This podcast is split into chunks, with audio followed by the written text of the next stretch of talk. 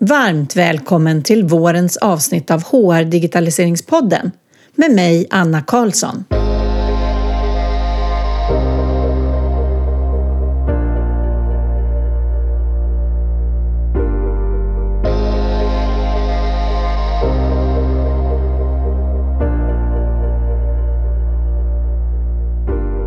Välkomna tillbaka till HR Digitaliseringspodden efter juluppehållet.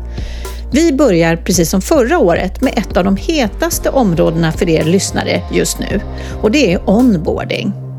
Förra året, då handlade första avsnittet på våren om det viktigaste fokuset just då, det vill säga hybridarbetet och återgången till kontoret. Fokuset på det området har ju inte försvunnit, men om jag frågar mina deltagare på utbildningar och seminarium så är det utmaningen att lösa onboardingen på ett klokt sätt som står mest i centrum. Och för att kunna diskutera det ordentligt så har jag två riktiga experter i studion. Och det är grundarna till Whippy, Pauline Larsen Berglöf och Emma Lindgren. Och på slutet, då summerar de de viktigaste medskicken till er i fem punkter som ger er bra tankar och verktyg i ert arbete med att skapa en smart onboarding.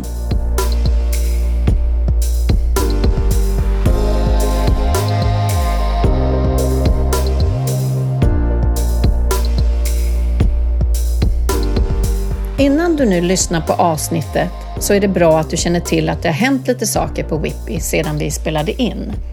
Den 17 januari så annonserades att Whippy har förvärvat on och offboarding-plattformen Typelane som de har haft samarbete med och varit återförsäljare av sedan de startade.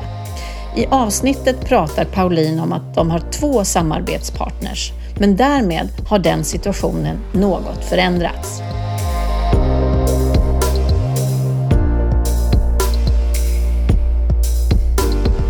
Hej lyssnare! Ja, du lyssnare som jobbar på ett HR-produktbolag. Vill ditt företag nå ut med ert erbjudande eller kanske till och med spela in ett eget sponsrat avsnitt där ni kan dela mer om vad ni gör och varför det är just er man ska välja? Hör av dig på hej.hrdigi.se. Du kan läsa mer på poddens nyhetssida under sponsorskap och reklam. Det är ni leverantörer som hjälper podden att överleva.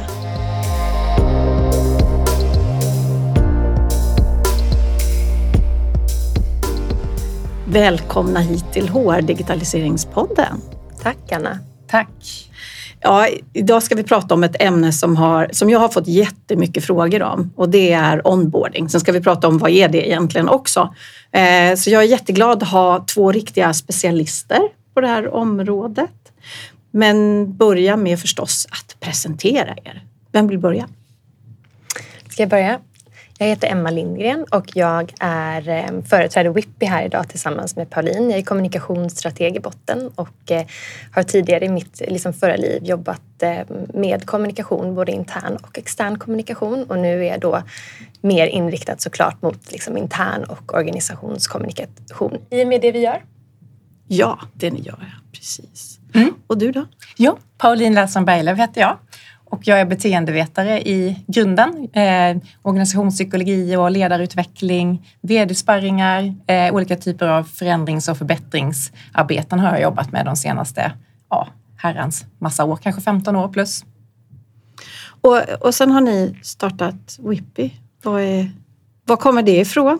Precis, Nej, men det har vi gjort. Vi har startat Whippy och vi såg en eh, lucka på marknaden, ett stort behov på marknaden helt enkelt. Att eh, man har fokuserat väldigt mycket på att attrahera och rekrytera eh, talanger och medarbetare, eh, men mycket kanske mindre på att eh, lägga fokus på att omborda och introducera de här nya medarbetarna i organisationen. Så att där såg vi liksom att man, eh, när man har lagt fokuset på att attrahera och rekrytera så går lite musten ur när man har gjort det tunga arbetet och sen så släpper man lite för snabbt och det ser vi som en stor risk eh, att släppa så tidigt utan du behöver liksom hålla kvar den här processen mm. över tid, en längre tid. Upp till ett år tar det innan man är up to speed. Så där fanns en rejäl lucka att springa i och dessutom digitalisera onboardingen. Mm, mm. Vem av er startade eller gjorde ni det tillsammans? Eh, jag var med och startade det 2019, kom vi igång ja. Eh, och ganska så snabbt därinpå så kom Emma ombord.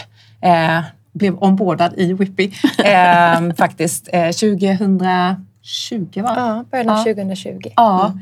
Så att det var en period där vi satt kvar i våra tidigare uppdrag, våra tidigare åtaganden. Så vi kom igång ordentligt 2020 skulle jag säga. Mm. Mm. Men har ni jobbat alltså med den här just ombordingen? Har du gjort det, eller båda två gjort det här? Eller var det att ni såg ett behovet och så formar ni ut efter det? Ja men precis. Eh, jag jobbade ganska mycket med chefssparring och chefscoaching och vd-coaching och såg liksom att Eh, det var väldigt stort fokus på att attrahera och få in mm. de här nya medarbetarna och sen så eh, när man väl hade dem ombord så släppte man lite för snabbt och det mm. kändes otroligt farligt att eh, det går inte att släppa där utan för, för cheferna kände många gånger att men, nu kan jag äntligen släppa och jobba strategiskt och gasa på medan jag kände någonstans där att nej, nu må, det är nu arbetet börjar och mm. vad har ni för plan? Eh, hur gör ni det här? Där var liksom den stora eh, behovet som, som det utformades i, utifrån. Ja, ja. Jag ty tycker det här låter jätteklokt. Jag kommer ju själv att ha jobbat i en organisation där man tog det här väldigt seriöst. Så jag, jag förstod inte förrän när jag hade jobbat i min egen verksamhet en tid hur, hur pass långt efter mycket av den här fokuset på onboarding låg. Men vi kanske först ska beskriva vad, vad är onboarding egentligen? Eh, för det är väl bra? Ja, det är jättebra. Det är en bra början. Eh, skulle man googla det så, så, ser man oftast att det handlar om en systematiserad introduktion. Ett bra liksom, arbetssätt för den första tiden. Och så som Whippy, som vi definierade, så eh, tror jag vi skiljer oss ganska mycket. Eh, vi ser att eh, onboardingen ofta varar över ett år. Mm. Och vi delar också in den i tre faser. Så preboardingen, alltså från kontaktskrivning till första dagen. Eh, de första tre månaderna som är onboardingen. Mm. Och sen så postboardingen som inte så många andra pratar om, eller vi har inte hört någon annan som talar mm. om det. Och det handlar om den fortsatta utvecklingen och vara den här handen i ryggen över tid och inte släppa släppa efter de här första två, tre månaderna där det är lätt att se, enligt forskningen ser man hangover-effekten och eh, en, en liksom honeymoon-effekten börjar ebba ut lite grann mm.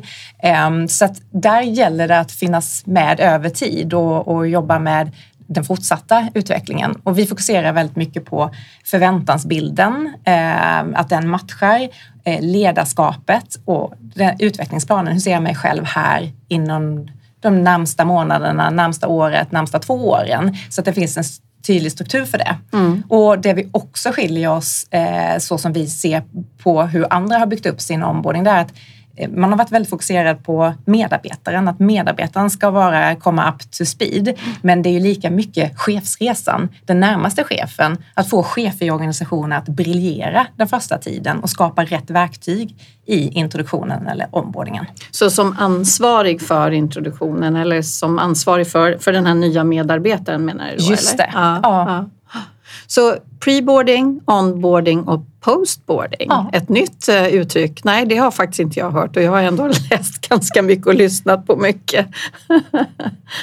Men också offboarding, är det också en del av vad ni gör eller är det separat? Ja, men, eh, vi har adderat på offboarding eh, det här året faktiskt mycket på grund av efterfrågningar från våra existerande kunder. Så att kunder där vi har byggt en onboarding och där de har då fått se resultatet, varit väldigt nöjda och sen förstått värdet av att också avsluta en anställning på samma fina sätt som mm. man påbörjar den. Hur är det då med eh, om man definierar upp onboarding nu, vi pratar om då fyra områden egentligen då, som offboardingen också. Men vad är då, för det finns ju en del som är praktisk och en del som är mer, eh, jag menar lärande. Är det uppdelat på det sättet också eller ser ni på något annat sätt? På det sättet som vi tycker att den typiska onboardingprocessen ska vara så är det egentligen att, att säkerställa båda delarna. Mm. Eh, sen så är det ju liksom möjligt att automatisera vissa praktiska delar i viss utsträckning. Eh, men vi jobbar alltid liksom kombinerat med att få in så mycket av de praktiska momenten som möjligt med lärandet och de lite mer mjukare värdena. Eh, så att när vi bygger eh, onboardingresor då i första hand så tittar vi alltid på att, precis som Pauline säger, skapa en synkad chefs och medarbetarresa. Det vill säga att vi, vi bygger liksom aldrig bara en en resa för mm. medarbetarna eller en resa för chefen utan de här ska ju alltid gå i synk. Eh, vi brukar också alltid rekommendera att man kopplar på en buddyresa. Precis eh, som Pauline säger så sträcker det sig över tid. Det är också någonting som, som är väldigt viktigt att ta på eh, därför att de flesta organisationer vi träffar alltså ser på onboarding kanske en första dagen eller första veckan och, och liksom max första månaden om de är jätteduktiga. Mm, ja. det som kanske är, är, ehm, extra viktigt är också att, att onboardingen blir liksom en, employee experience och det är lite här det kommer in eh, liksom frågan om, om lärandet kontra det praktiska. Att det sista vi vill ha är ju liksom bara en checklista som matas ut och som ska tickas av utan tanken är ju att bygga in lärandemomenten och vi kommer säkert prata lite mer om det sen men liksom vilka typer av beteenden som man vill träna. Alltså hur inkluderas man i kulturen? Hur, hur formar man liksom den här nya medarbetaren på ett sätt som, som passar den organisationsstrukturen och hur lär man av den medarbetaren? Eh, så det är också delar där vi kanske ibland påminner lite mer om hur en kommunikations eller marknadsbyrå skulle jobbat mot sin målgrupp. Eh, så vi vill ju liksom bygga medarbetarupplevelser som traditionellt har kommunicerat med externa målgrupper mm. så att det ska bli en, en, ja, en upplevelse för både chefer och medarbetare. Och i detta så såklart vägs ju både in de praktiska delarna, alltså har man rätt IT-access och så vidare, men också delar som reflektion, lärande, hur man lägger upp mötesstrukturer första tiden och så vidare. Mm. Men när man bygger då en, en onboardingprocess, eh, men hur gör man det praktiskt? Är det eh, datorstöd eller gör man det, hur beskriver man, hur får man det här att fungera i praktiken? Eh, ja, men, vi använder oss av eh, leverantörer som distribuerar via mail och sms. Mm. Eh, och vi har valt att inte jobba liksom i en plattform där man behöver till exempel ladda ner eller installera appar eller ja, liksom där det krävs en större IT-investering. Eh, och anledningen till det är egentligen därför att, och det här har tagit en liten tid för oss att liksom hitta vår plats på marknaden, det är att vi vill inte konkurrera med de systemen som finns internt utan har man ett HR-system så är det jättebra. Har man, har man en LMS-plattform så är det jättebra. Har man ett intranät eller någon chefsportal är det också jättebra. Men det som inte finns på marknaden idag är den där röda tråden, alltså mm. den där eh, eh, liksom kanalen som driver trafik dit det är relevant just då. Så att, eh, har man till exempel en onboarding-modul på sitt HR-system så kommer den liksom ändå jobba för liksom, HR-systemets syfte. Eh, eller har man ett LMS så kommer man liksom hela tiden driva personer till, till LMS. -et. Men vi har ju liksom utgått ifrån principen att man behöver rätt information i rätt tid. Eh, och det är, det är, precis det här som påminner mer om hur man liksom kommunicerar kanske med externa målgrupper. Att information ska distribueras via sms till mobilen ifall du är en person som inte har tillgång till dator till exempel eh, innan först, eller efter första dagen. Eh, men annan information som kanske passar att eh, liksom, nås via LMS vid en viss tidpunkt ska ju såklart drivas dit. Men vi försöker se oss lite mindre som plattformsoberoende eh, och mm. eh, ha mycket, mycket större vikt vid content och vid att mäta och säkerställa att liksom resan levererar. Mm. För jag tänker ändå att det är eh, beroende på hur organisationen ser ut, men vad ligger Kanske jag ska ändra på frågan lite grann. Mm. För jag tänker så här, vem är egentligen den ansvariga här i en onboardingresa? Mm. Är det HR eller är det chefen, organisationen, är det learning and development? Vem, liksom, för det här är ju, det är ju därför kanske det eh, ligger lite efter mm. i hur man jobbar mm. med det. Mm. Ja, men det är faktiskt en eh, väldigt bra fråga. Ehm, vår vanligaste beställare när vi går in i uppdrag är att det är drivet från HR, att man ser behovet att vi hjälper HR att lösa det här problemet. Att eh, man kanske har tidiga avhopp, eh, man ser att eh, lojalitetsgrad och engagemang går ner. Man, man tar längre tid att få nya medarbetare up to speed.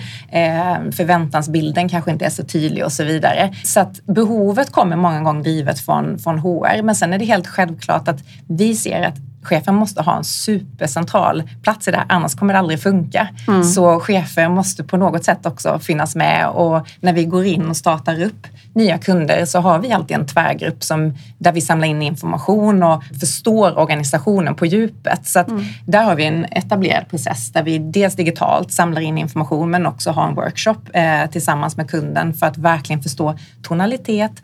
Eh, vad är det för typ av värderingar, kultur? Vad har man, som Emma är inne på, för lärprocesser och system? Man kanske har ett LMS, en lärplattform. Eh, learning and development eh, är ofta med i den här tvärgruppen, men även sådana funktioner som IT ser vi är väldigt positivt att ha med. Mm. Någon chef, någon som nyligen har ombordat och marknad till mm. exempel. Så det är ju en tvärfunktionell grupp som är med i insamlingen eh, och det är jätteviktigt för att också sen kunna implementera det här i organisationen och känna att vi, det är ägt av eh, flera mm. från organisationen. Jag tycker alltid det där är svårt när det är ett delat ägarskap. Mm.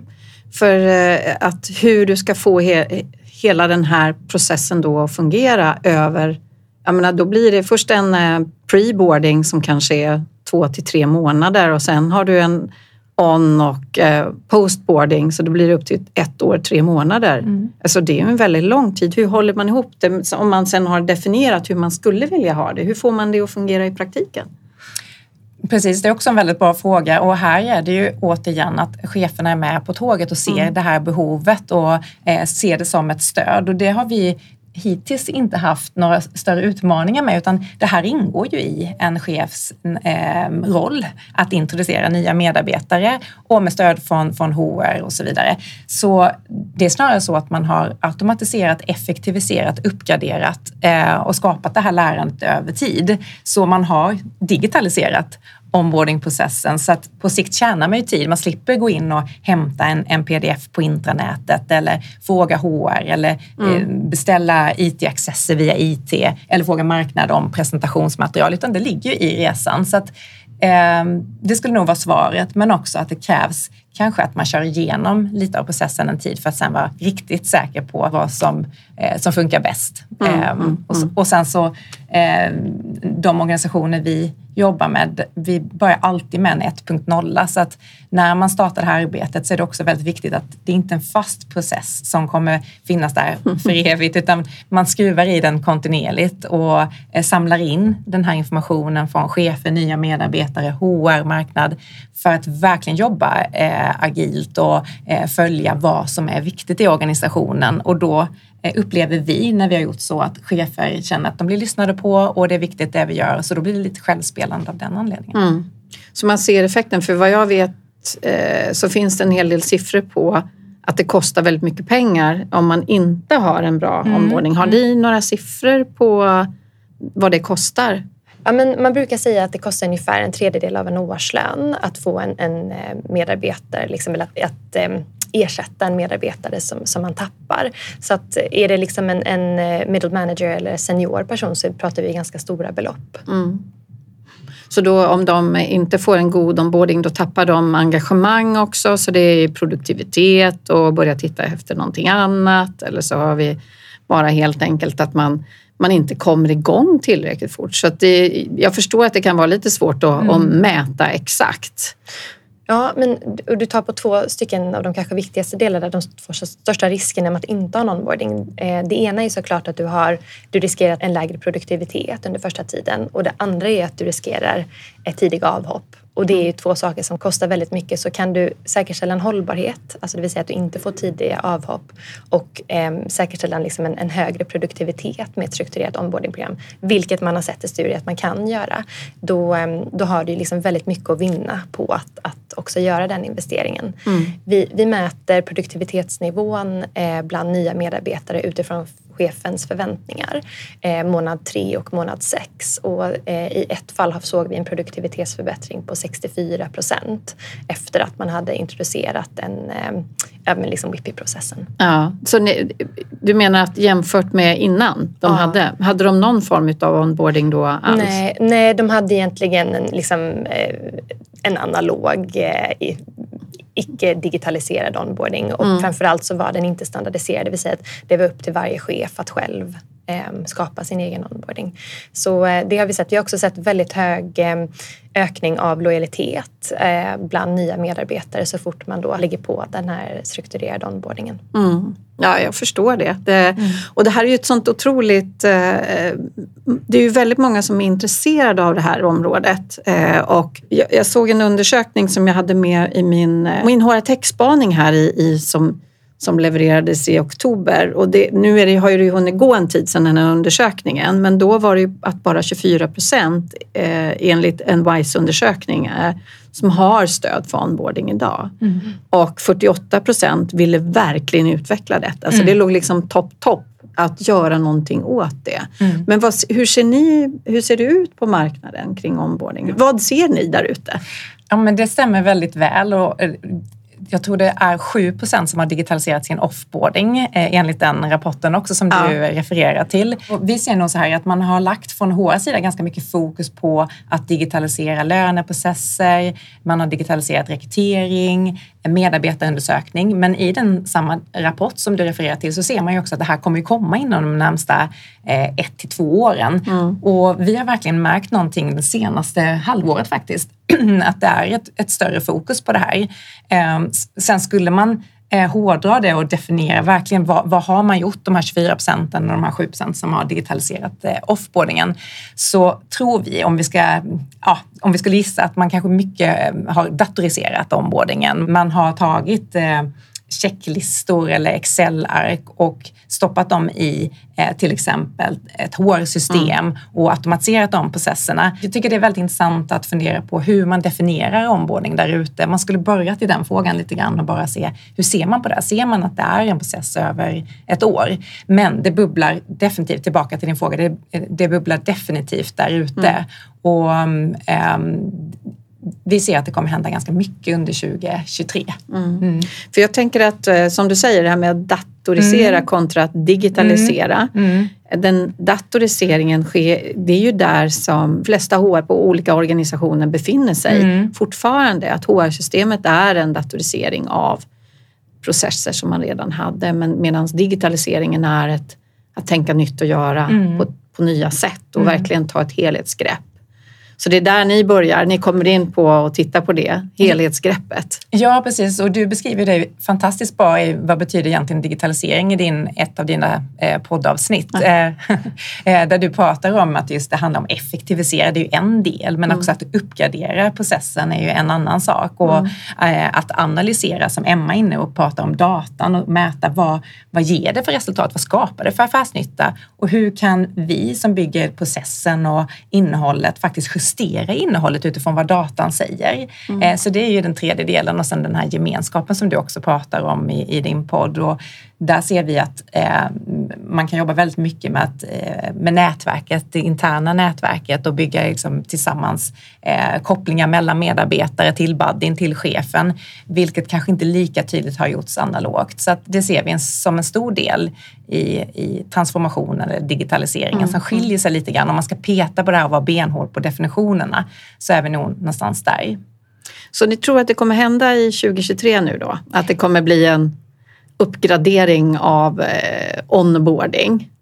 Ja, men det, det tror vi. Eh, och som Pauline säger så har vi också... Alltså, det har verkligen börjat bubbla eh, mm. rejält. Sen så tror jag att eh, att många eh, av, av liksom de då som skulle beställa de här tjänsterna fortfarande känner sig lite osäkra i hur man ska kravställa eftersom att det faktiskt inte är en tjänst, tjänst som har funnits på marknaden så himla länge och ofta kräver någon typ av IT-inköp. Så att, eh, liksom, där tror jag också att, att eh, vad ska man säga, målgruppen är relativt omogen när det kommer till att köpa in den här typen av tjänster vilket också kan göra att det liksom kanske tar, man behöver hitta en partner som man också först och främst känner väldigt stor liksom, tillit till och som inte bara kanske levererar en plattform och sen släpper taget utan man behöver hitta en partner som verkligen är med den under längre tid och det har vi verkligen försökt att vara med våra kunder, att inte bara släppa eh, så fort liksom IT-systemet är så att säga implementerat utan att verkligen finnas nära och eh, som Pauline säger att inte liksom lämna vid 1.0. Mm. Är det inte så också kanske att leverantörerna som kommer då från antingen HR-systemen, eh, kanske även har ett LMS i sitt HR-system, de förenklar lite då och säger men vi har allt här. Eller vad tänker ni? Att, de, att här med vårt verktyg så har vi löst problemet. Ja, men det skulle vi nog faktiskt säga att det är en förenkling. Och vi har ju ändå liksom demat många av, av produkterna på marknaden idag. Och det finns ofta ganska så basala tekniska features som gör att det kanske inte faktiskt är fullt möjligt att skapa den här äh, unika employee experience eh, eller medarbetarupplevelsen som vi vill åt. Utan eh, det handlar precis som Pauline säger mycket om effektivisering, automatisering och så vidare och att, att stoppa in checklistor. Så att, eh, och, och, och, där kanske man också som, som liksom inköpare av den här typen av tjänster också behöver på något sätt förlika sig med att det inte finns ett system som löser alla ens problem, även om så hade varit helt fantastiskt. Mm. Eh, för precis liksom som, så som vi beter oss digitalt utanför jobbet så har vi ju också olika plattformar för olika syften. Och liksom, till, i slutändan så jobbar vi ju även internt mot människor så att eh, man kommer nog behöva ha olika system ett litet tag till för olika typer av HR-prioriteringar.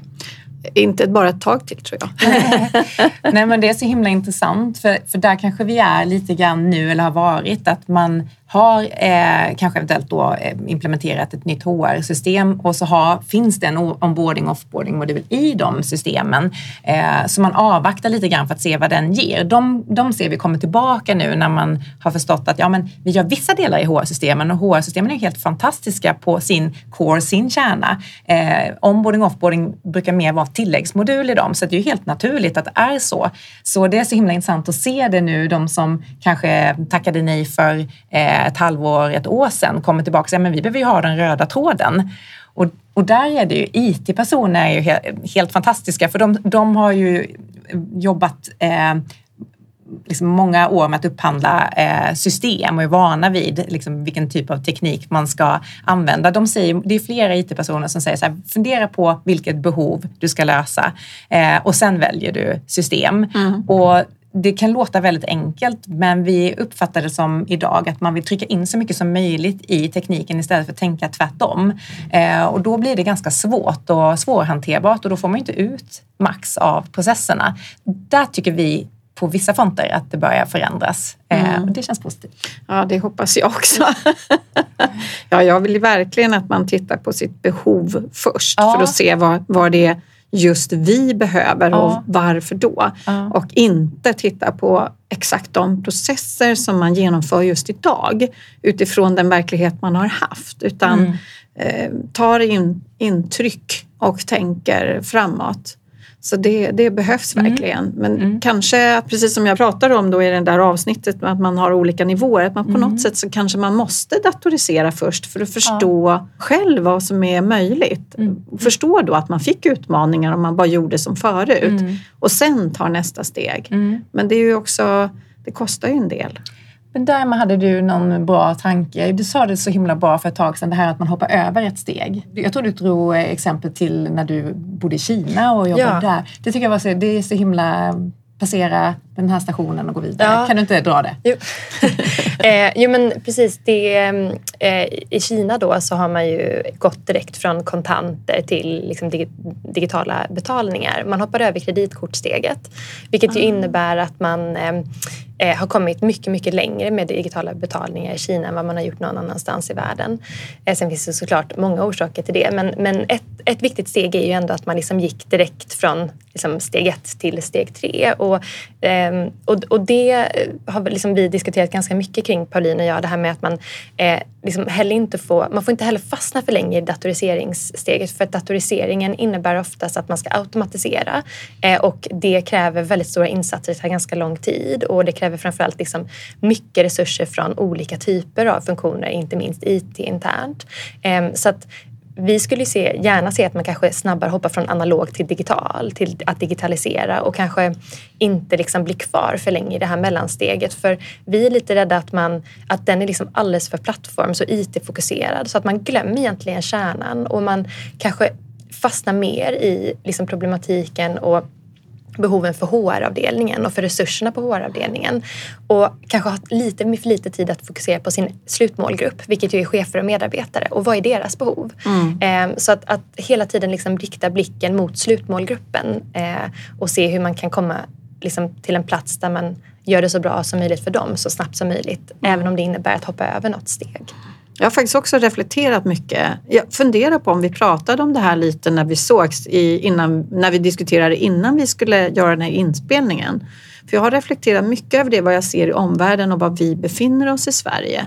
Att vi är långt efter i och ligger på datoriseringsnivån generellt eh, och därmed har fastslagit att vi borde kunna ta ganska snabba steg uppåt eftersom omvärlden har testat så pass mycket. Mm. Och det finns så mycket bra innovativa eh, stödverktyg. Men sen gäller det då som sagt att man måste också vara modig och kunna koppla ihop flera system med varandra eller ha parallella system för olika aktiviteter. Ja. Och det är väl det ni menar, mm. och så knyter man ihop det. Men när någon har då genomfört och startat igång, hur vet de då vad de ska göra och få hjälp i att komma ihåg de här olika aktiviteterna? Använder ni då de olika stödsystemen för det? Som HR-systemet eller LMS eller någonting annat? Ja, här kan man göra på lite olika sätt. Vi har eh, två eh, samarbetspartner idag. Vi har ju lagt väldigt mycket tid på att eh, gå igenom och jobba på baksidan av rätt så många olika typer av tekniker, system och plattformar. Mm. Så att där har vi kikat på vad vi har börjat i behovet, vad vi vill lösa för problem och vilken typ av teknik gör det bäst eh, som kan skapa den här röda tråden över tid. Och då kan det bli att man hämtar, som Emma var inne på, information från eh, LMS eller man kanske då pekar mot en kurs som ska gås vecka eh, fem i, i LMS eller som för någon kund som har ett superstarkt intranät. Så där finns otroligt mycket bra content men man hittar, man vet, man vet faktiskt inte hur, hur man eh, kommer dit och knappt inte därifrån. Så där driver vi trafiken dit den bör vara och i vilket skede. Så vi lägger väldigt mycket tid på rätt information i rätt tid, rätt paketerad. Så att där, det är väl det svaret på, på hur man bygger ihop det. Sen så i de teknikerna vi jobbar så är det ju väldigt viktigt att man får liksom informationen när man precis behöver den. Så att det är då man är mottaglig för den. Och i de teknikerna vi jobbar så kan man ju också se det liksom från en eh, plattform där man ser, ja, men nu har jag så här många uppgifter framför mig. Det här har jag gjort. Jag har deadlines, jag har olika typer av task, jag får påminnelser. Så att jag blir lotsad igenom det här mm. första året som en snitslad bana kan man säga. Mm. Så att eh, man ska kunna luta sig tillbaka som medarbetare och chef och när den här processen är över så har man egentligen inte med den mer att göra. Det är inte mängder av information som tankas in utan du är snarare på en resa. Ja. Eh, så att det inte är en plattform du går tillbaka till på det sättet efter du är klar utan då har den uppfyllt sitt syfte så är den borta. Ja. Det man kan säga är att man får det via mejl och sms mm. men man kommer liksom ändå eh, åt någon form av portal där man också kan få, liksom vi kan lägga på tasks, alltså uppgifter med påminnelser och så vidare så att det finns liksom ändå någon grad av alltså systematisering mm. i det. Så att det inte bara liksom om man tänker sig nyhetsbrevsutskick och alltså så här, roliga sms utan det, alltså tekniken som vi använder är också liksom uppbyggd på ett sätt där du ska liksom skapa, du ska ändå liksom driva ett beteende genom att, att du behöver göra vissa uppgifter och så vidare.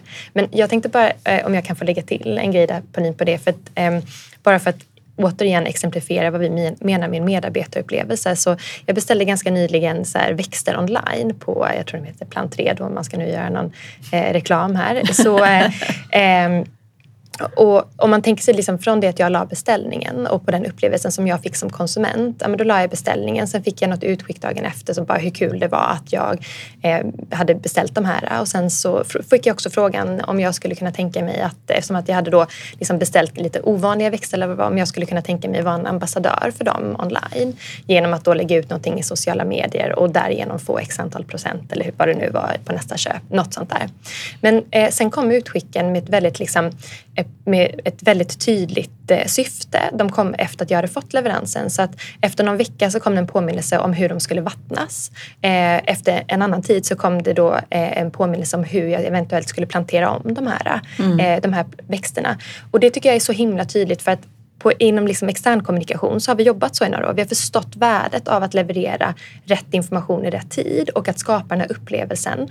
För jag menar att om jag skulle fått eh, samma dag som jag beställde växterna information om hur de ska planteras om om två månader så är det helt irrelevant för mig. Mm. Och det är precis så vi tänker med onboarding också. Att, att jag behöver inte ha påminnelser om en kurs som jag ska göra vecka åtta, dag ett. Eller liksom, chefen behöver inte ha liksom en, en mötesagenda för ett uppföljningssamtal man ska ha vid månad tre, andra veckan i anställningen. Utan det behöver ju komma två veckor innan mötet ska förberedas och bokas in med en påminnelse då liksom in, mm. när mötet ska ske mm. samt en uppföljning och påminnelse om hur man då ska liksom återkoppla kring aktiviteterna som man kanske har kommit fram till under mötet. Och det, liksom, det är den här typen av, av liksom mm. psykologi som vi försöker Mm. Liksom där vi försöker förflytta marknaden och, och den är mm. inte helt lätt. Rätt. Eh, säger jag också som har jobbat med internkommunikation i nästan liksom, 10-12 år. Då, alltså när jag började jobba så visste man inte ens vad internkommunikation var. Så det har tagit lite längre tid. Men om, om, man börjar tänka om kring hur vi kommunicerar mot externa målgrupper mm. och vilken typ av upplevelse vi är villiga att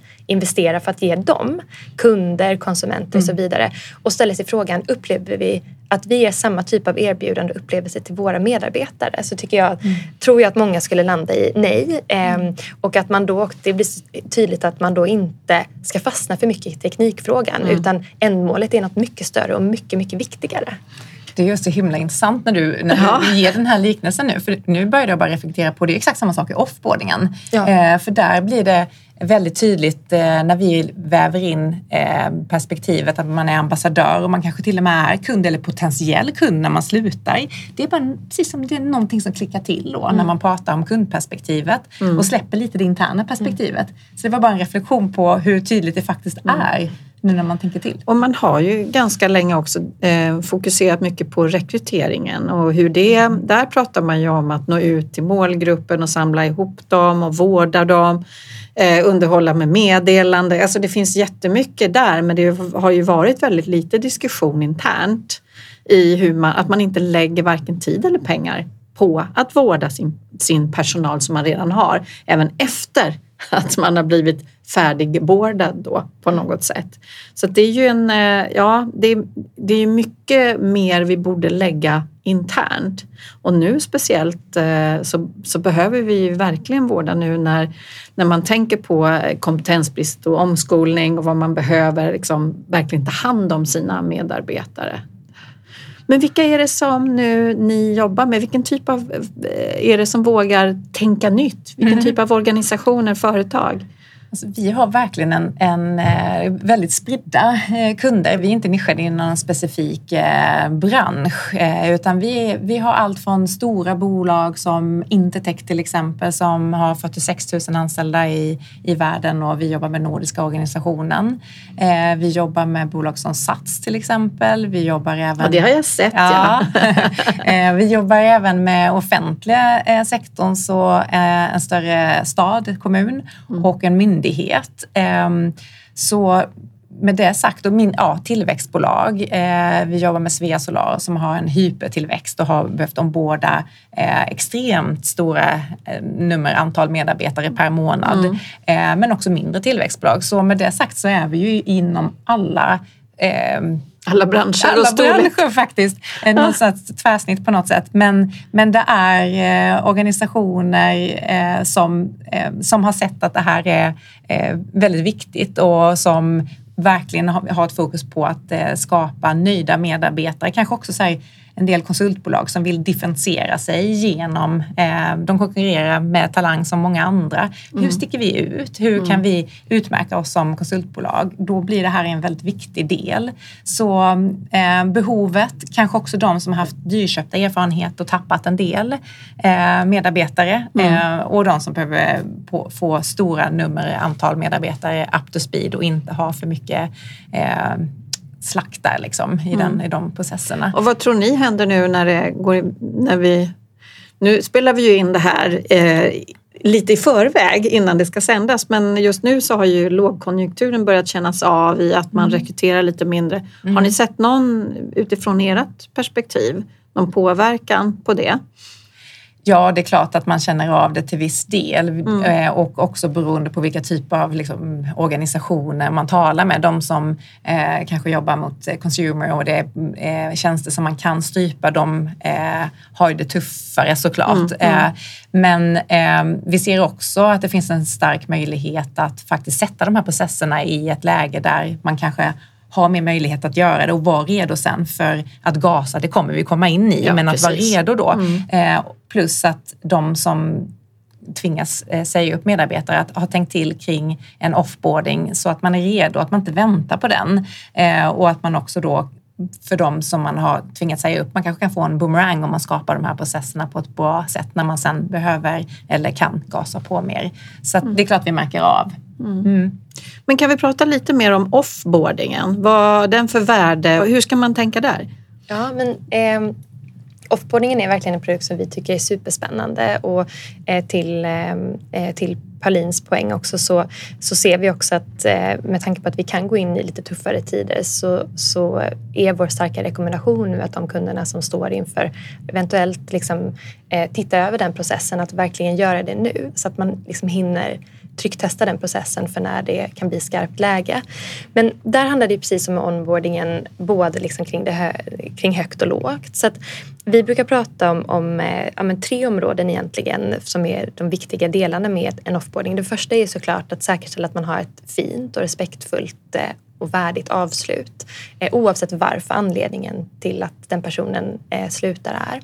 Eh, och här, precis som Pauline säger, dels är det liksom boomerang-effekten som man vill åt. Antingen kanske det är en, en, medarbetare som, eh, eller det skulle kunna vara en medarbetare som själv väljer att sluta, inte på grund av att egentligen man inte trivs så bra utan man, man har bara liksom lust att kolla lite om gräset är grönare på andra sidan.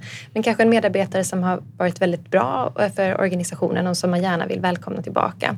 Då vill man ju ha en process som skapar en väldigt fint avslut så att den personen vill komma tillbaka när han eller hon liksom har eh, skaffat sig lite nya erfarenheter utanför. Den andra delen är ju såklart ambassadörskapet. Att, att faktiskt visa eh, att vi värderar de personerna som väljer att sluta minst lika mycket precis i slutet av anställningen som vi gör under den tiden de faktiskt är eh, anställda. Så signalvärdet är väldigt viktigt upplever vi. Viktigt att också plocka in de delarna som har med, med lite mer kritiska saker som IT-säkerhet. Alltså att det finns en struktur kring att man tar bort personer från, eh, man meddelar IT kring vilka accesses till exempel som ska, som ska tas bort. Eh, att marknad vet vilka som personer som kanske ska bort från hemsidan eller eh, ja, liksom vilka som ska ta bort från e-postlistor och så vidare. Så det är lite mer liksom datoriserade delen av det. Men sen så ser vi också en jättestor del kopplat till lärandet och att man verkligen inte nyttjar den här, det här liksom helt unika fönstret som man har sista tiden. Eh, den här personen som ska sluta sitter ju inne med helt värdefulla insikter kring kanske hur verksamheten kan bli bättre, vad anledningen är till att man faktiskt slutar. Alltså sådana såna insikter som, som eh, ja, men, många bolag tar in liksom dyra konsulter för att undersöka. Det kanske kan komma fram genom att man bara har några samtal eh, och kanske har en anonym utvärdering mm. eller enkät i slutet. Så att, eh, och där ser vi också även utifrån ledarskapssynpunkten eh, så, så har man också en helt unik chans att skapa lärande för chefen. Så vi, i de resor som vi har byggt nu under året så har vi fokuserat ganska mycket på just det, liksom vissa väljer att kalla det för exit-samtalet eller leaving conversation eller det avslutande samtalet. Men att, att det faktiskt, eh, man verkligen hjälper chefen att skapa ett väldigt fint sånt samtal. Så att även om det ligger liksom en konflikt i grund, att man får verktyg för hur man ska ha ett sånt samtal. Men att man också eh, lägger in tid för reflektion för chefen efteråt. Att fundera på liksom, vad kom fram? Vad kan jag lära av detta? Eh, även liksom efter medarbetaren faktiskt har slutat. Så att, så att man nyttjar det här, eh, liksom den här inputen som kommer in till att också skapa ett lärotillfälle för, för chefen. Och det ser vi att inte jättemånga faktiskt har pratat om. Så att, eh, för att sammanfatta då är det både liksom lärandemomentet, mm. eh, det är ambassadörskapet och sen är det också de lite mer liksom datoriserade delarna kring att, att eh, ja, skapa processer för IT-accesser och så vidare. Mm, mm. Ja, för det kan ju kosta väldigt mycket om man låter saker rulla på också och inte gör det praktiska. Eh, och eh, också det här med, med lärare. Jag tänker lite grann på ja, att ha en exit-enkät till exempel. Eh, och då har jag också fått feedback att ja, men folk svarar inte på det. Men det borde man väl också kunna göra innan man lämnar. Precis som man gör en utvärdering på en kurs innan man går därifrån för att man verkligen får det här oavsett om de gör det anonymt eller inte. Absolut. Eller tänker ni där någonting annorlunda? Nej, men jag håller helt med. Och, Eh, Eh, vi, vi har ju tagit fram liksom standardiserade WIPI KPI för vår onboarding där vi mäter, som, som Pauline var inne på innan, liksom ledarskapsstödet, eh, om det är tydligt vad förväntningarna är på mig i min roll, ifall jag har fått, eh, om jag har utvecklats professionellt sedan startdagen och så vidare. Det mäter vi under onboardingens första tre till sex eller uppemot tolv månader beroende på komplexiteten i rollen. Det vi har gjort i de offboardingresor vi har gjort är att vi har tagit liknande KPI och ställt frågan ifall någon av de här orsakerna som vi vet är helt kritiska för att att liksom, under onboardingfasen också ligger till grund för att man slutar. Alltså är ledarskapet eh, en anledning till att du slutar? Slutar du på grund av att det är tydligt vad, vad som förväntas på dig i rollen? Slutar du på grund av att du inte känner att du kan utvecklas på arbetsplatsen? Eh, så vi har valt att bygga ihop KPI-erna, mm. eller liksom mätetal eller enkäterna för de här. För det skapar ju också massa insikter tillbaka till HR mm. av vad man eventuellt behöver liksom prioritera i mitten av medarbetarcykeln. Så att jag tycker absolut att man eh, ska kombinera ett liksom face to face, alltså ett dialogsamtal på något sätt.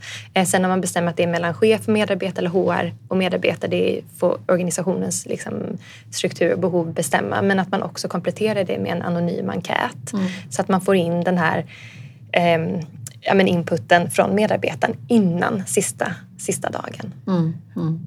Det som jag tycker är så himla intressant här är, är att det här med feedback och exit-samtal eller leaving conversation, eller vad vi nu väljer att eh, tala om. Det, det och tillsammans med feedback är sådana saker man har pratat om i, känns som hundratals år.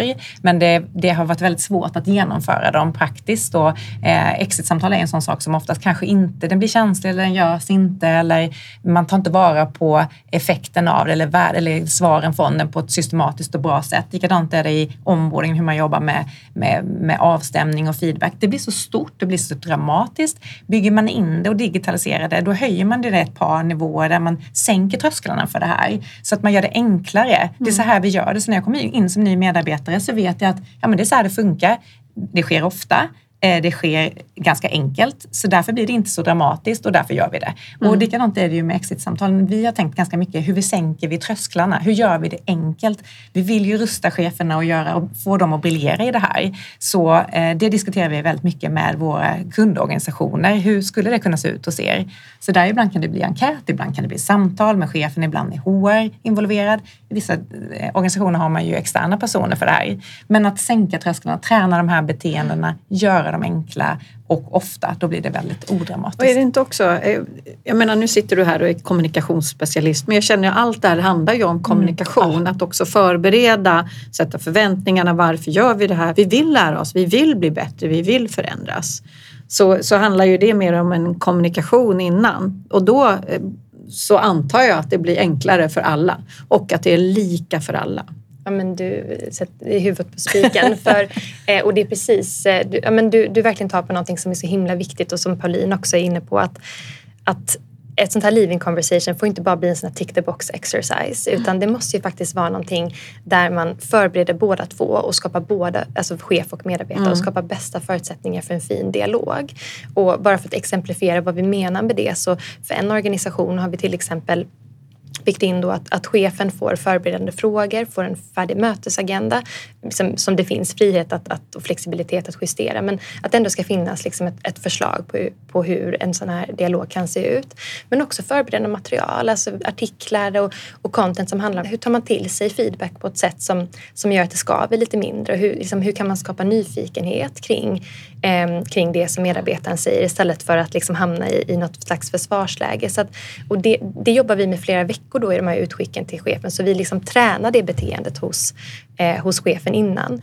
För medarbetarna så handlar det om att förstå att det här, du kommer att bli inbjuden till det här samtalet men också faktiskt att att du har ett ansvar att förbereda dig. Så här kommer reflektionsfrågor till dig. Så mm.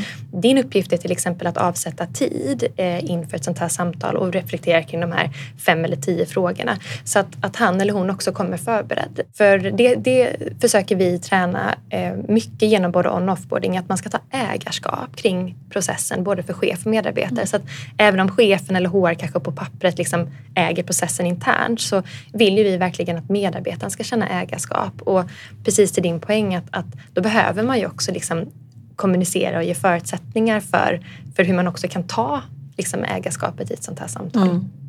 Jag sitter och reflekterar över att det är ju också en, en stor förändring som vårt samhälle, vårt eh, relationen arbetsgivare-arbetstagare, den förändringen har ju skett successivt över en lång tid och att det inte längre att du inte bara har rättigheter utan du har ju en massa skyldigheter som medarbetare och att, att den här kommunikationen och chefens roll eh, blir mer och mer viktigt och det är ju inte bara i de här stegen i början och slutet. Det här är ju något de har nytta av hela, hela sin karriär, mm. medarbetare och chef, ja. eller hur? Ja, ja, absolut. Så det här borde ju tränas på i alla andra Det är ju likadant när du ska ha det svåra lönesamtalet mm. eller medarbetarutvecklingssamtalet. Mm. Det är ju samma egentligen. Men ni fokuserar på, då, på de här delarna. Ni skulle kunna jobba överallt då? ja, vi är supernischade. Vi gillar att vara nischade. Så vi kommer, vi kommer, Ni håller det? Ja, vi håller onboarding och offboarding. Det finns mycket kvar att göra där. Mm. Så vi, vi kör på det spåret mm. och håller fokus.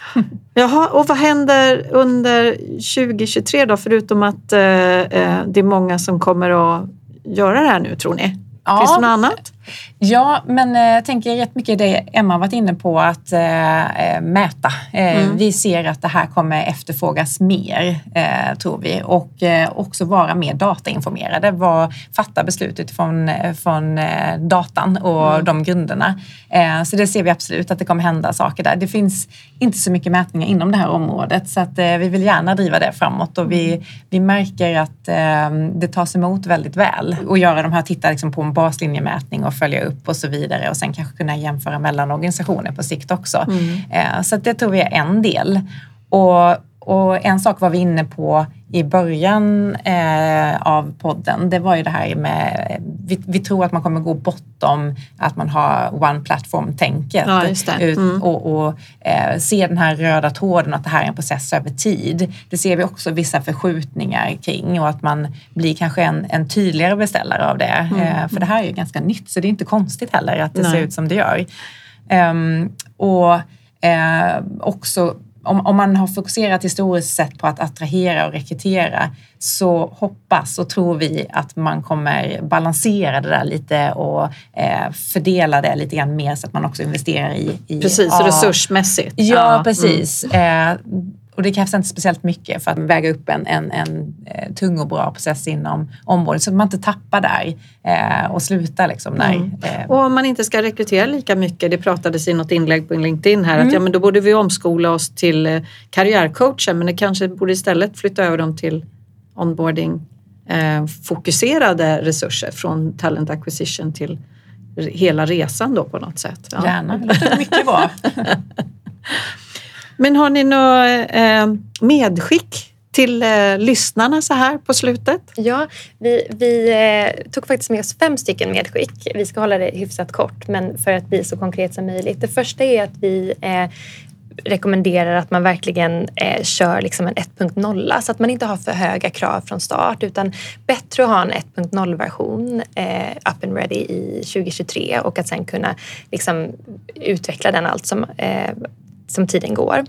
Eh, sen så eh, har vi också sett att de organisationer som eh, är riktigt duktiga med att lansera sin eh, till nya onboarding är de också som, har, som precis som Pauline var inne på innan, har också vävt in delar av organisationen också i uppbyggnadsfasen. Så att implementeringen är verkligen inte någonting som man bara ska liksom förkasta utan att bygga upp processen är steg ett men den absolut viktigaste delen kanske faktiskt är hur man förankrar detta internt och hur man får ägarskap kring ledarna. Så att, att liksom inte, precis som med rekrytering, att inte pusta ut när man har skrivit kontrakt utan att faktiskt det är då resan börjar. Eh, och sen har vi också ett, kanske ett av de viktigaste medskicken, det är att inte bara fokusera på ett en av målgrupperna utan alltid tänka att man bygger synkade resor för chef och medarbetare. Så att båda måste med på tåget. Sen eh, skulle vi... Och buddyn sa ni också? Ja, buddyn också, absolut. Ja, så, så egentligen tre, tre resor om man ja. ska vara eh, riktigt cool 2023.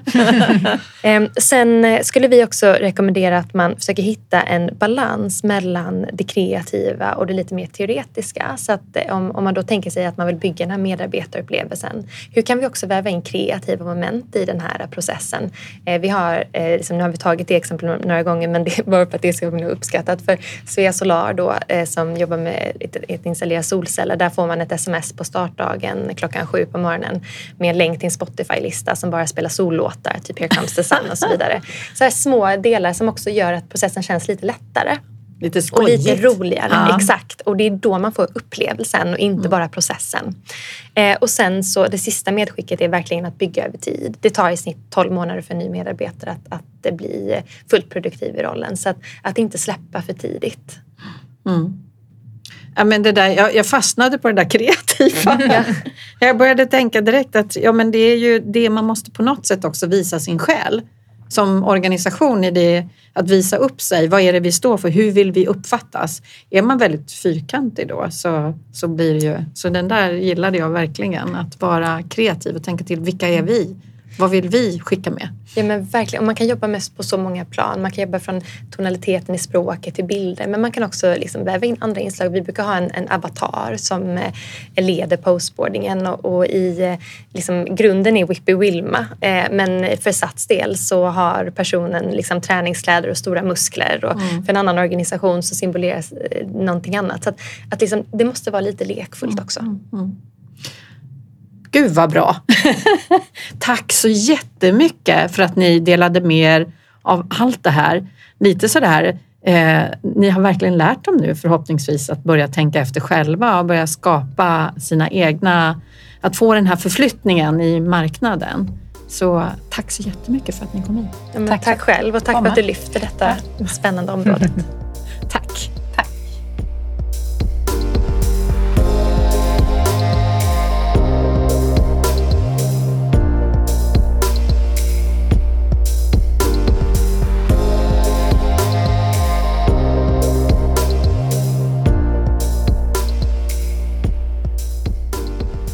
Tack för att just du har lyssnat.